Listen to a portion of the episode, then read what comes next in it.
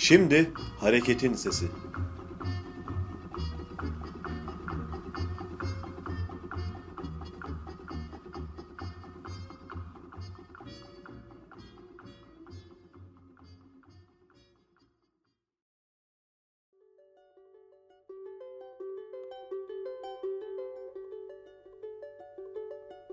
Devrimcilik, sisteme tepeden tırnağa alternatif bir kimliktir. Bu kimliğin içinde yıkımla üretim, hafızayla gelecek bir arada bulunmak zorundadır. Yeni bir dünyanın, alternatif yaşamın bir bütün halinde üretilmesinden söz ediyoruz. Hayatı doğru ve derinlemesine kavramak, biçimle yetinmeme ve öze inebilme şansı verir. Marx, öz ile biçim aynı olsaydı bilime gerek kalmazdı der. O halde devrimcilik, öze inebilme ve dokunabilme şansı veren bilimselliktir. Biçimin ardındaki özü görebilme kabiliyetidir.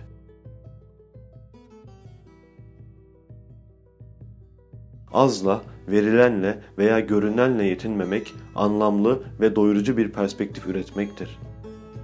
Bizler Hareketin Sesi programında günlük gelişmelerden yola çıkarak süreci doğru okumaya, devrimci hareketin ve sınıflar mücadelesinin tarihinden kesitlerle ortak hafızamızı canlı tutmaya çalışacak ve doğru devrimci perspektifi ortaya çıkarmaya çalışacağız.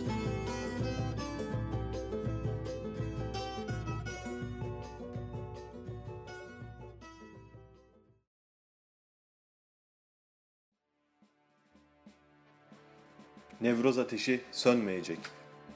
Tüm dünyada baharın gelişi için kutlanan ve coğrafyamızda Kürt halkının yaşadığı zulme karşı bir direniş ve özgürlük bayramı olarak bayraklaştırdığı Nevroz'u karşılıyoruz.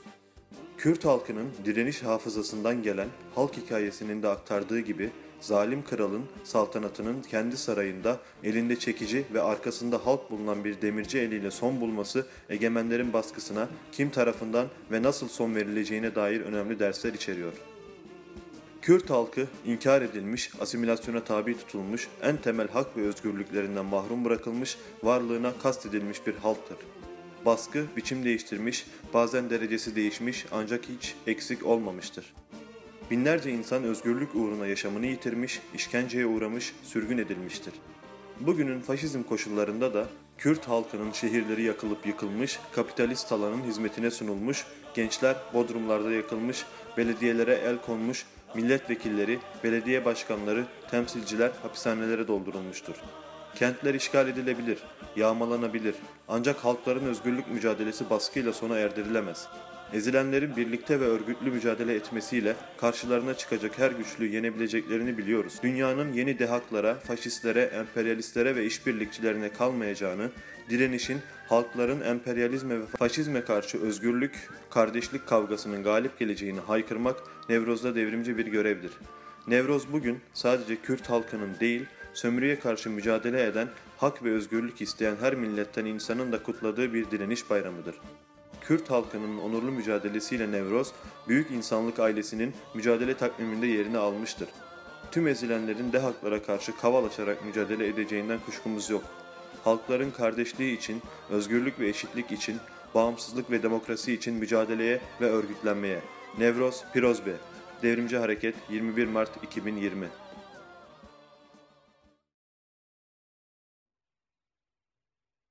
Kriz, koronavirüs ve alternatif. Krizler iç içe geçti. Koronavirüsün küresel gündem haline gelmesi, komple teorileri eşliğinde tartışmaları yoğunlaştırıp çeşitlendirdi. Virüsün Çin'in Wuhan kentinden mi yayıldığı yoksa ABD kaynaklı mı olduğundan biyolojik bir silah olma ihtimaline kadar mevcut tartışmalar aynı zamanda kriz koşullarında küresel boyuttaki rekabetin, savaşın, aktörler arasında ne tür araç ve yöntemlerin kullanımına ihtiyaç haline getirdiğine işaret ediyor. İnsanlık, kapitalizmin yıkıcı, bölücü, öldürücü etkileriyle yüzleşirken, sermaye de kendi sistemin sonuçlarıyla boğuşuyor, yeniden paylaşım ikliminde krizler iç içe geçiyor. Daha önce uzun aralıklarla rastlanan sermayenin kara günleri bugün peş peşe yaşanıyor. Örneğin kara pazartesi, kara perşembe izliyor. Basın ise süreci kısaca şöyle özetliyor.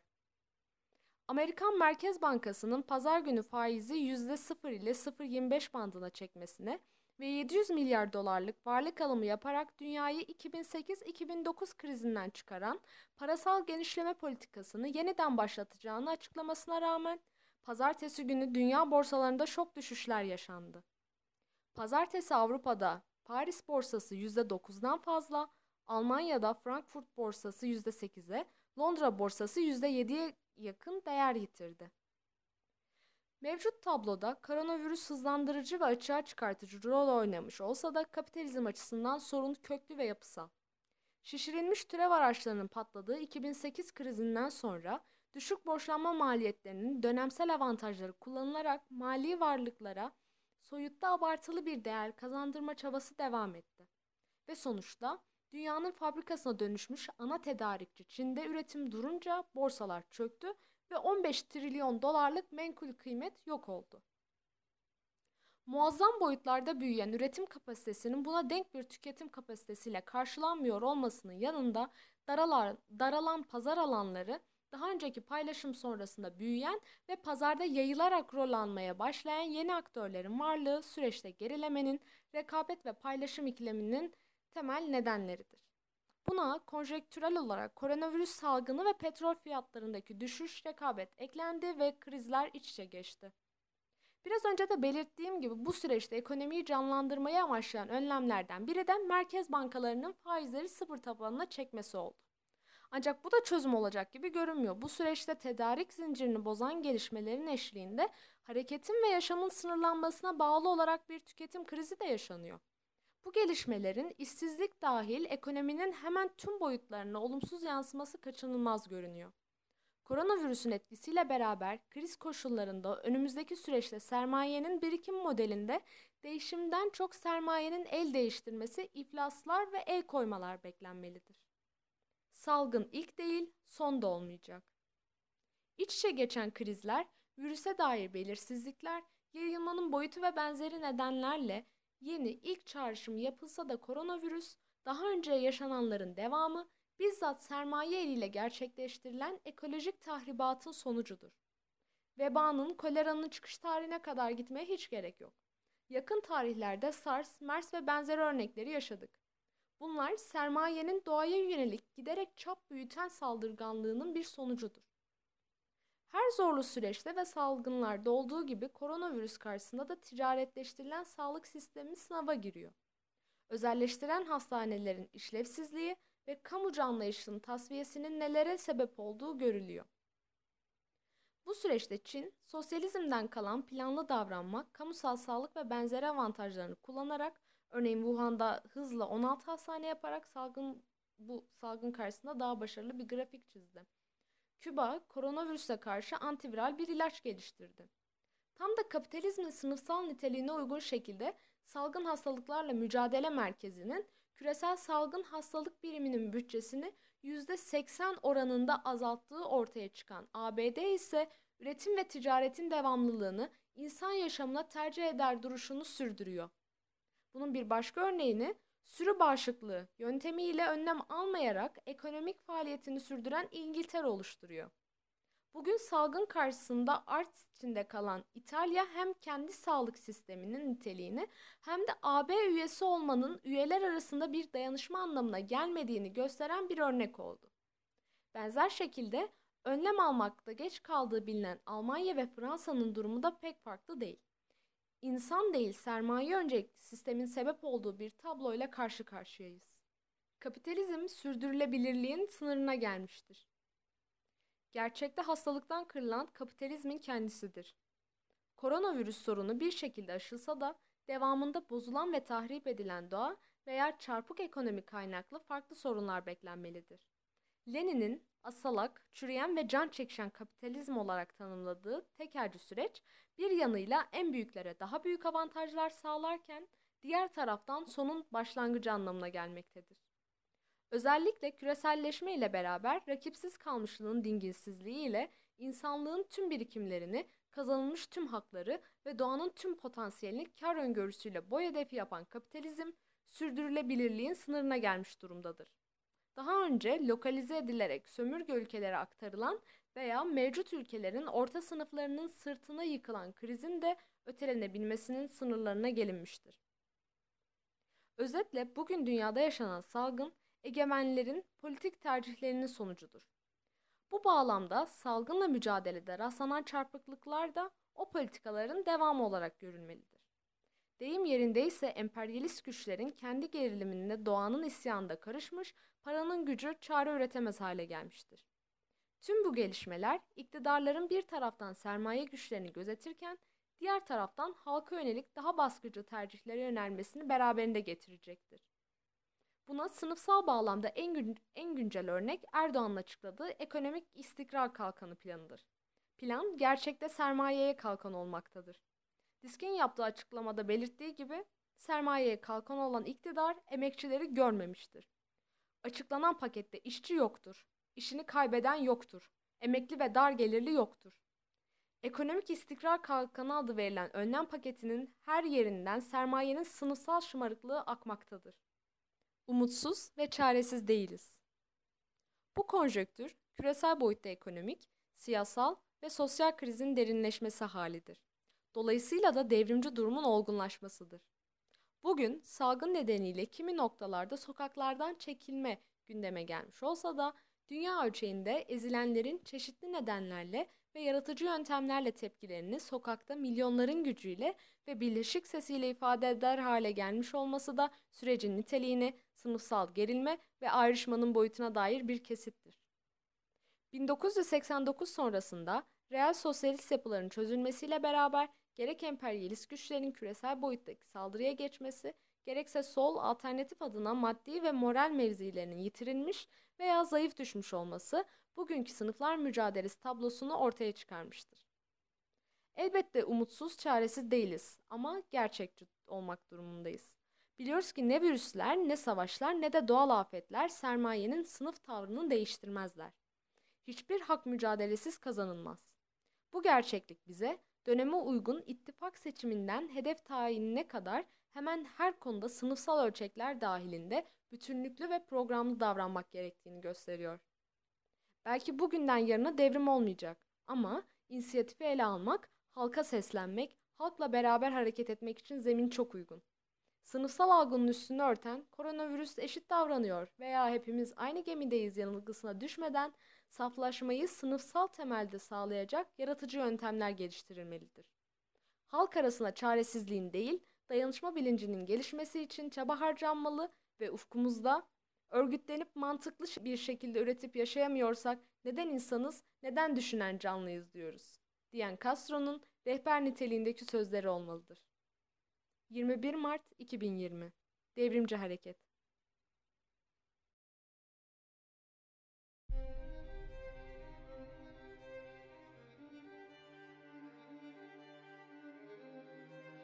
Devrimci Hareket Dergisi'nin 1997 tarihli ilk Nevroz açıklaması. Demirci Kava'nın yüzyıllar önce DEHAK'ın zulmüne son veren balyoz darbeleri halkların birbirine aktararak koruduğu bir özgürlük vuruşudur. Bir çığlıktır, bir gelenektir. Kurtuluşu müjdeleyen Nevroz ateşi Orta Doğu halklarının elinde bugüne dek aydınlatıcı bir meşale olarak taşınırken Kürt halkı bu süreçten kavalaşarak çıkmıştır. Bugün Kürt halkı kendi elleriyle geleceğini örerken Kava gerilla kılığında kurşun, çocuk kılığında taş atıyor. Tüm bir halk özgürlük halaylarıyla dönüyor Kava'nın hiç sönmeyen ateşi etrafında. Kava, köleliğin insanlık için bir yazgı olmadığını öğretmiş, iradenin rolünü göstermiş ve istenince başarılacağını kanıtlamıştır. Yeryüzünde hiçbir iktidar yoktur ki gücünün farkına varan bir halkla, örgütlü bir halkla baş edebilsin. Türkiye'de devlet bir taraftan terörü bitirdik görüntüsü vermeye çalışırken diğer taraftan çanak antenleri toplayacak kadar gerçeklerin ortaya çıkmasından korkmakta, çaresizliği yaşamaktadır. Son yıllarda Nevroz'un bir çeşit karikatürünü sergileyerek halka şirin görünmeye çalışırken daha çok alçalmakta ve ayıdan post devletten dost olmaz tokadını yiyerek aradığı karşılığı bulamamaktadır. Bugüne dek halka karşı her türlü düşmanlığı denedikten sonra bugün çıkarı öyle gerektiriyor diye Nevroz günü ateşler yakmaya, halkla kardeşlik oyunu oynamaya kalkmaktadır. Ancak Kürt halkı kardeşliğin bir oyun olmadığını, Nevroz'un anlamını ağır bedeller karşılığında öğrendi ve öğrendiğini uzanan sahte ellere devlet eline feda etmeyecek denli kararlı bir duruş yakaladı. Dehak'tan bugüne zalimler birbirini örnek alarak gelmiştir. Zorbalığın dünya halklarına yönelik anlamı Apache söz konusu olduğunda en iyi Kızılderili ölü Kızılderilidir diye yankılanırken yıllar sonra Vietnam'da en iyi Viet Cong ölü Viet Cong'dur şeklinde tekerrür edecekti. Dün Kızılderili için imha tek yanıttır. Bu yıl ne kadar çok öldürürsek önümüzdeki yıl o kadar az öldürmek zorunda kalırız diyen General Sherman bugün elde ettiği deneyleri Kürt halkını imhada kullanmak üzere Kürdistan dağlarında devlet kılığında dolaşmaktadır. Yemyeşil otları, kuşları, çiçekleri, toprağı dahi yakan askerlerin kendilerinin bile bu emirleri sorgulayan bakışlarına binbaşı Morov'un cevabı basit. Sherman diyor ki ot olmaması gerek. Bufalo olmaması demek. Bufalo olmaması demekse kızıl derili olmaması demek. Çok basit hayvanları ve ekinleri dahi yakılmış, renkleri yasaklanmış Kürtler bizlere bir kez daha öğretiyor. De hakların her yerde zulüm demek olduğunu. Egemenlerin vazgeçilmez tahakküm aracı olan zor, tek başına yetmez olduğunda, farklı araçları devreye sokarak bilinçleri karartıp yanlış hedeflere yöneltmek, var olan değerlerin içini boşaltıp etkisizleştirmek de başvurulan yöntemler arasındadır. Geçen yıl olduğu gibi bu yılda devletin Nevroz'u ehlileştirme, doğasını bozma çabaları Kürt halkının biriken ve büyüyen deneyleri karşısında boşa çıkmıştır. Ve bir kez daha akrepten güvercin olmaz gerçeği kanıtlanmıştır. Geçmişte İran Şahı'nın da Nevroz'u anma girişimleri bilinmektedir. Türkiye'de dönem dönem devreye sokulan Kürt raporları da aynı yaklaşımın bir başka biçimidir.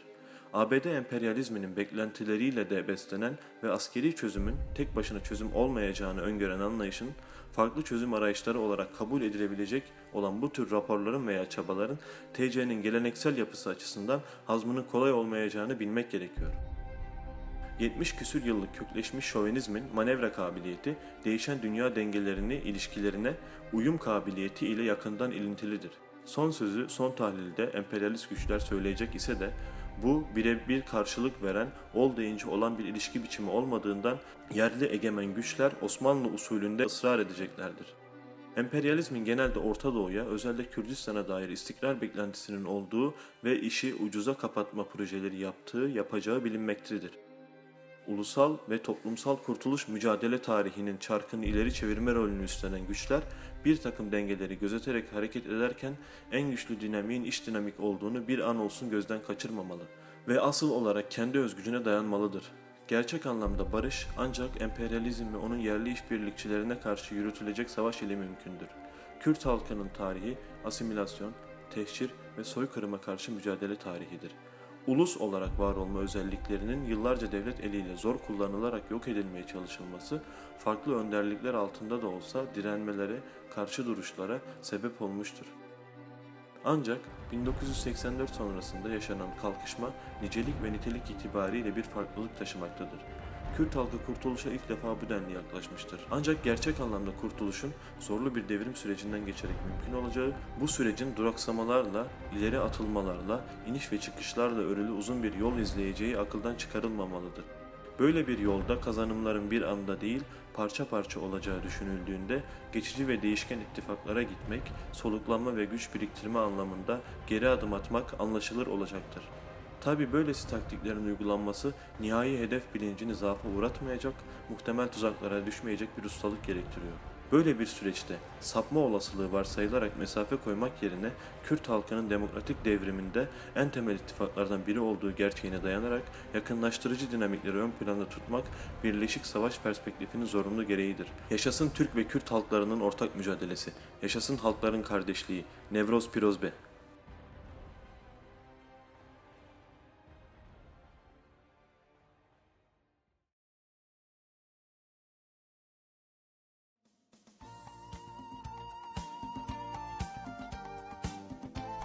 Faşîzme ji bo vekeviye û azadiyê re şer bikin.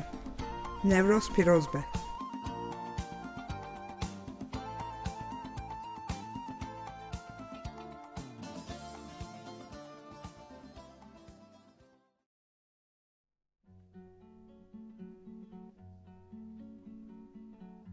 Kadro devrimi yarını ertelemeyendir. Devrimcilik geleceği fethe çıkanların menzilidir kırıntı değil, dünyayı istiyoruz diyenlerin, gerçekçi olup imkansızı isteyenlerin işidir. Sistemin kadrosu ile devrimin kadrosu özde de biçimde de farklıdır.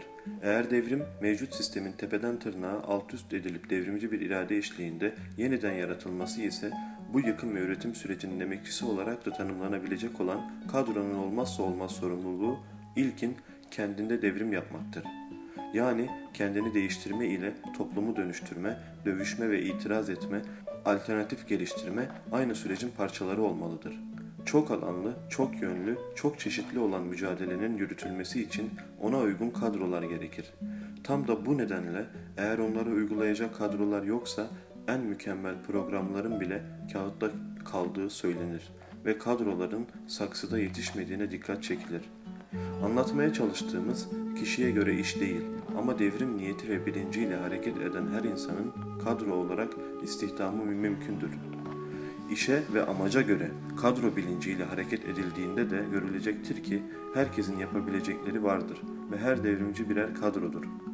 Kimi işler fiziki bir takım nitelikler gerektirse de Ostrovski örneğinde gördüğümüz gibi fiziki avantajlar ikincildir veya fiziki dezavantajlarda bir devrim kadrosu olmanın yani yaşamını bir bütün olarak devrime adamanın önünde bir engel değildir. Sistemin kadro anlayışı örnek alındığı için veya kimi mücadele kesitlerinin yanlış kavranması sebebiyle devrimciler içinde dönem dönem ve yer yer uzmanlaşma adı altında tek tip insan yaratıldığı, alan fetişizmi ile beraber yabancılaşmanın kamçılandığı görülmüştür. Kadro anlayışındaki bu ve benzeri sorunlar devrim anlayışı ve çalışma tarzındaki kavrayış sorunlarıyla doğrudan ilintilidir. Tam da bu nedenle canını ortaya koymuş ve devamında fiziki sağlığını yitirmiş kadrolara içeride veya dışarıda her koşulda kadro olma şansı vermek, onların da yapabileceği çok şey olduğunu bilmek, mücadelenin çok yönlülüğünün doğru anlaşılması bağlamında büyük önem taşır. Kadro her şeyci değildir. Sistem tek yanlı eğitim anlayışının da gereği olarak insanları deyim yerindeyse at gözlüğü takarak sadece bir yönü görecek şekilde eğitir ve sonuçta ortaya baktığı yönü de yeterince görüp kavrayamayan bir kadro çıkar. Halbuki felsefeden bilime uzanan süreç derinlikli ve çok yönlü bir kavrayış gerektirir. Kişi belki o kavrayışından sonra tek bir iş yapacaktır. Ama yaptığı her neyse onu diğer mücadele alanlarıyla ilişkilendirmeyi bilecek, sonuçları itibariyle de bütünlüklü bakabilecektir. Mesele her şeyci olup her şeye koşturmak değildir. Örneğin Lenin'in insanın çok zamanını alıyor. Bu da çalışmaya zararlı diyerek satrancı, beni yoruyor, çabuk uykum geldiği için pek iyi ders çalışamıyordum diyerek pateni, öteki derslerini engellediği için de Latince çalışmayı bıraktığı bilinir. Lenin'in kendine uyguladığı bir çeşit iç disiplindir. Değerleri içselleştirmenin, hayatındaki hemen her ayrıntıyı bu değerlerin gözetilmesine göre düzenlemenin örneğidir. Ç'nin armut vermesi için bir kara ağaca aşı yapmayı deneyebiliriz. Fakat aynı zamanda armut ağaçları da dikilmelidir. Sözlerindeki gibi var olanı değiştirmeyi de yeniden üretimi de gerektirir. Confucius'un bir insanı doyurmak istiyorsanız ona balık verin. Aç kalmamasını istiyorsanız ona balık tutmayı öğretin sözü de bu bağlamdadır. Kadro günü kurtaran değil, geleceği güne çağırandır. Planlama yapar, anla geleceği birbirine karşıtlık oluşturmayacak şekilde bir araya getirir. Bu nedenle azla yetinmez, büyük düşünür, ilkeleri reel politik hesaplara feda etmez. Kadro tepeden tırnağa savaşçıdır ama yalnızca asker değildir. Politikleşmiş askeri savaşın her an, her yerde ve gerekli her biçimde mücadele anlamına geldiğini bilir. Bu nedenle yaşamdaki tercihleri, konumlanışı ve mücadelesi geçici değil, uzun erimli ve kalıcıdır. Bir kimlik oluşturur. Kadro hem güvence hem rehberdir. Kadro, gün ve gelecek arasındaki ilişkinin güvencesi, neyi nasıl yapmalının yanıtı, yöntemsel rehberidir. Amaçlanan değerlere dair bilme ve uygulama diyalektiğinin gözetilmesi sonuç almak için tayin edici önemlidir.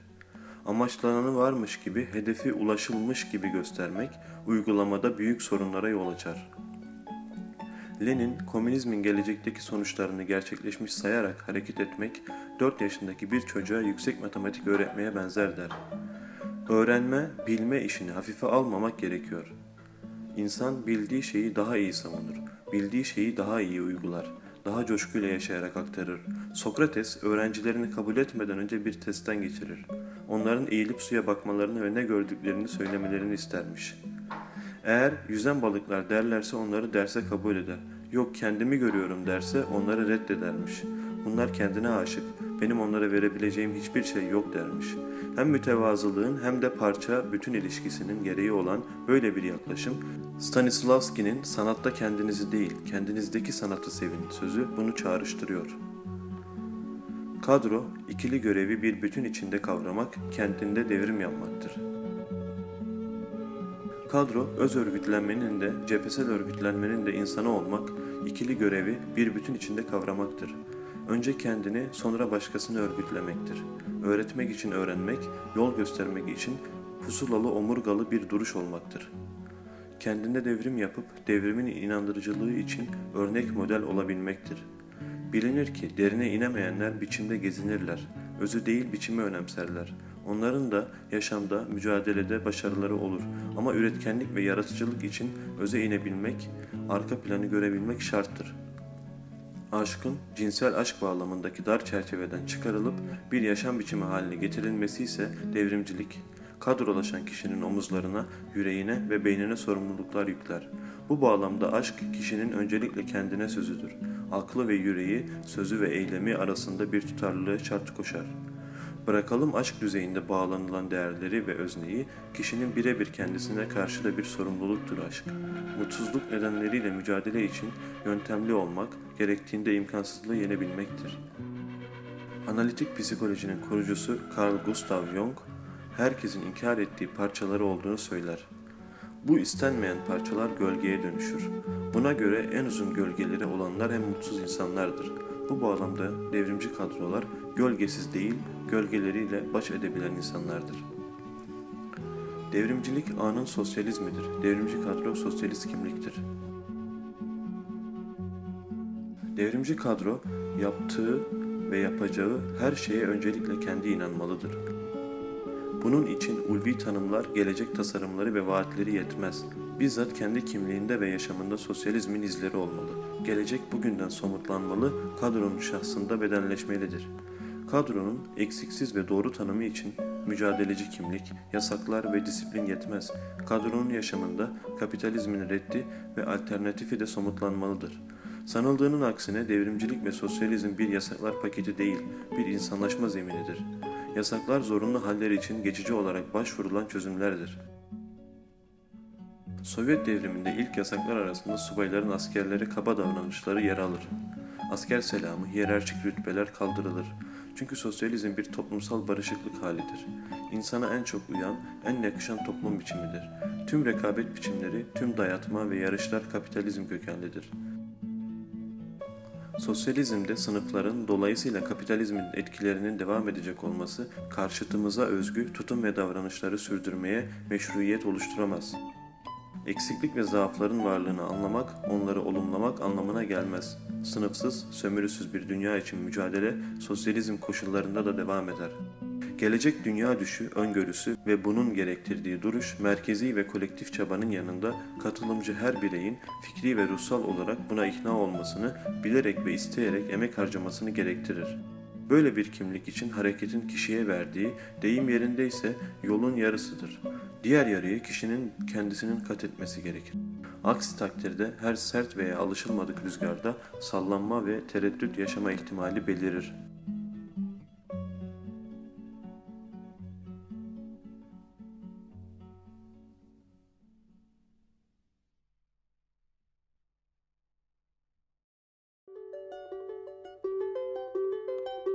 Devrim yolunda düşenlerin öyküsü. Mart şehitlerinde bugün Semiha Özakar yoldaşı anacağız. Semiha Yoldaş 17 Mart 1977'de Uşak'ta jandarma tarafından katledildi.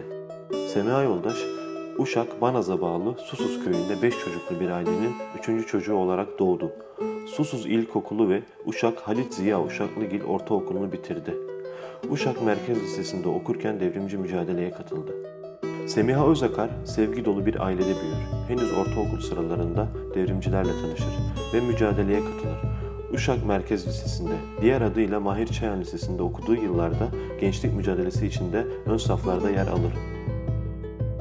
Yaz aylarını köyde ailesinin yanında geçinir. Ailesine işlerinde yardım eder, kitap okur.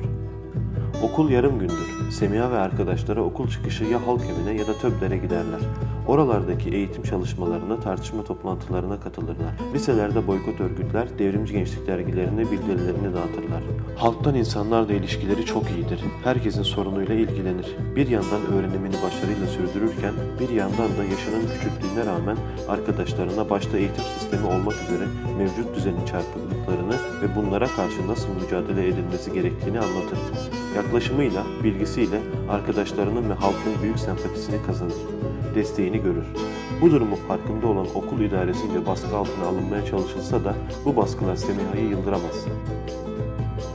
Mücadele eden kızlarına saygı duyan ailesi dört gözle ve büyük umutlarla Semiha'nın okulunu bitirip köyüne döneceği günleri beklemektedir. 17 Mart günü bu umutların ve bekleyişin son bulduğu gün olur.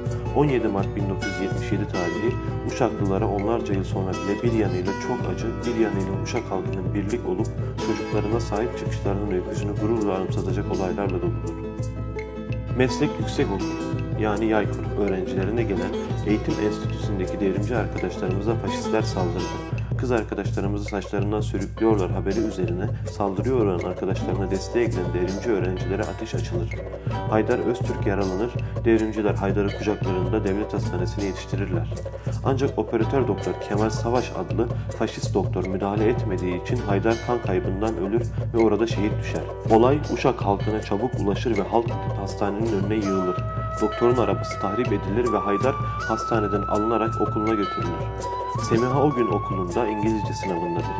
Faşistlerin işlediği cinayet haberi okula gelince arkadaşlarıyla birlikte sınav kağıtlarını öğretmenlerine vererek okuldan çıkar Yaykur'a gelirler. Aynı saatlerde çok büyük ve öfkeli bir kalabalık Haydar'ı okuluna getirmiş, okulun alt katında Haydar'ın başında nöbet tutmaya başlamışlardır. Akşam olduğu için cenaze ertesi gün Denizli'nin Çivrili ilçesine götürülecektir.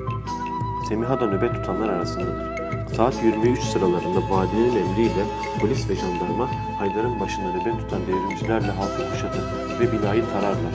Bu yaylım ateşinde Uşak Merkez Lisesi'nin 1316 nolu 2. sınıf öğrencisi 16 yaşındaki Semiha Özakar göğsünün sağ tarafından vurularak katledilir. Dört katlı okul binasının giriş ve alt katından zorla askeri araçlara bindirilen kadın erkek herkes polis ve jandarmanın iki yana dizilip oluşturduğu koridordan dayak atılarak geçirilir şehir dışındaki bölge trafik merkezine götürülür. Burada saçlarından sürüklenen kadınlara sarkıntılık edilir, küçük çocuklar olmadık işkencelere maruz bırakılır. İkinci ve üçüncü kattaki devrimciler merdivenlere barikat kurarak sabaha dek direnirler. Bina güvenlik güçlerinin açtığı ateşle delik deşik olmuştur. O gün şehirde denetimi yitiren Uşak valisi, ertesi gün basına Semiha'nın eğitim enstitüsü öğrencisi olduğu ve devrimciler tarafından rehin alınıp öldürüldüğü yalanını haber verir. Sabah Uşak halkı kendi çocuklarını ablukadan kurtarmak için güvenlik güçlerini kuşatıp 3. ve 4. katta direnen öğrencileri alır. Hep birlikte valiliğe yürürler. Güvenlik güçleri kalabalığa bir de, birkaç defa ateş açsa da halk istediğinden vazgeçmez. Valiliği kuşatan halkın talebi çok açıktır. Trafik şubeye götürülenler getirilecek, Haydar'ın ve Semiha'nın katilleri bulunacaktır. Sonunda trafik şubedeki gözaltında tutulanlar da serbest bırakılır. İşkenceden gelenler kahrolsun faşizm, işkencecilerden hesap sorulsun sloganlarıyla alana girerken çoğu ana baba gözyaşlarını tutamaz. Bu sırada Haydar'ın cenazesini polis kaçırıp köyüne götürür. Haydar polis ablukası altına verilir toprağa. Ama buna rağmen köye gelen çok sayıda insan ve yoldaşları köyde büyük bir miting yapar ve devrim andı içerek dağılır. Uşak'tan arabalarla Susuz köyüne gelen kalabalık bir kitle Semihalar ölmez, kahrolsun faşistler, tek yol devrim sloganlarıyla Semiha'yı sonsuzluğa uğurlar. 17-18 Mart 1977 tarihleri Uşak halkının faşizmin gerçek yüzünü açıkça gördükleri bir milat olur. Devrimci hareket halkın desteğini alarak hızla kitleselleşir, güçlenir ve Uşak birkaç yıl içinde faşistlerin barınamadığı bir il haline gelir.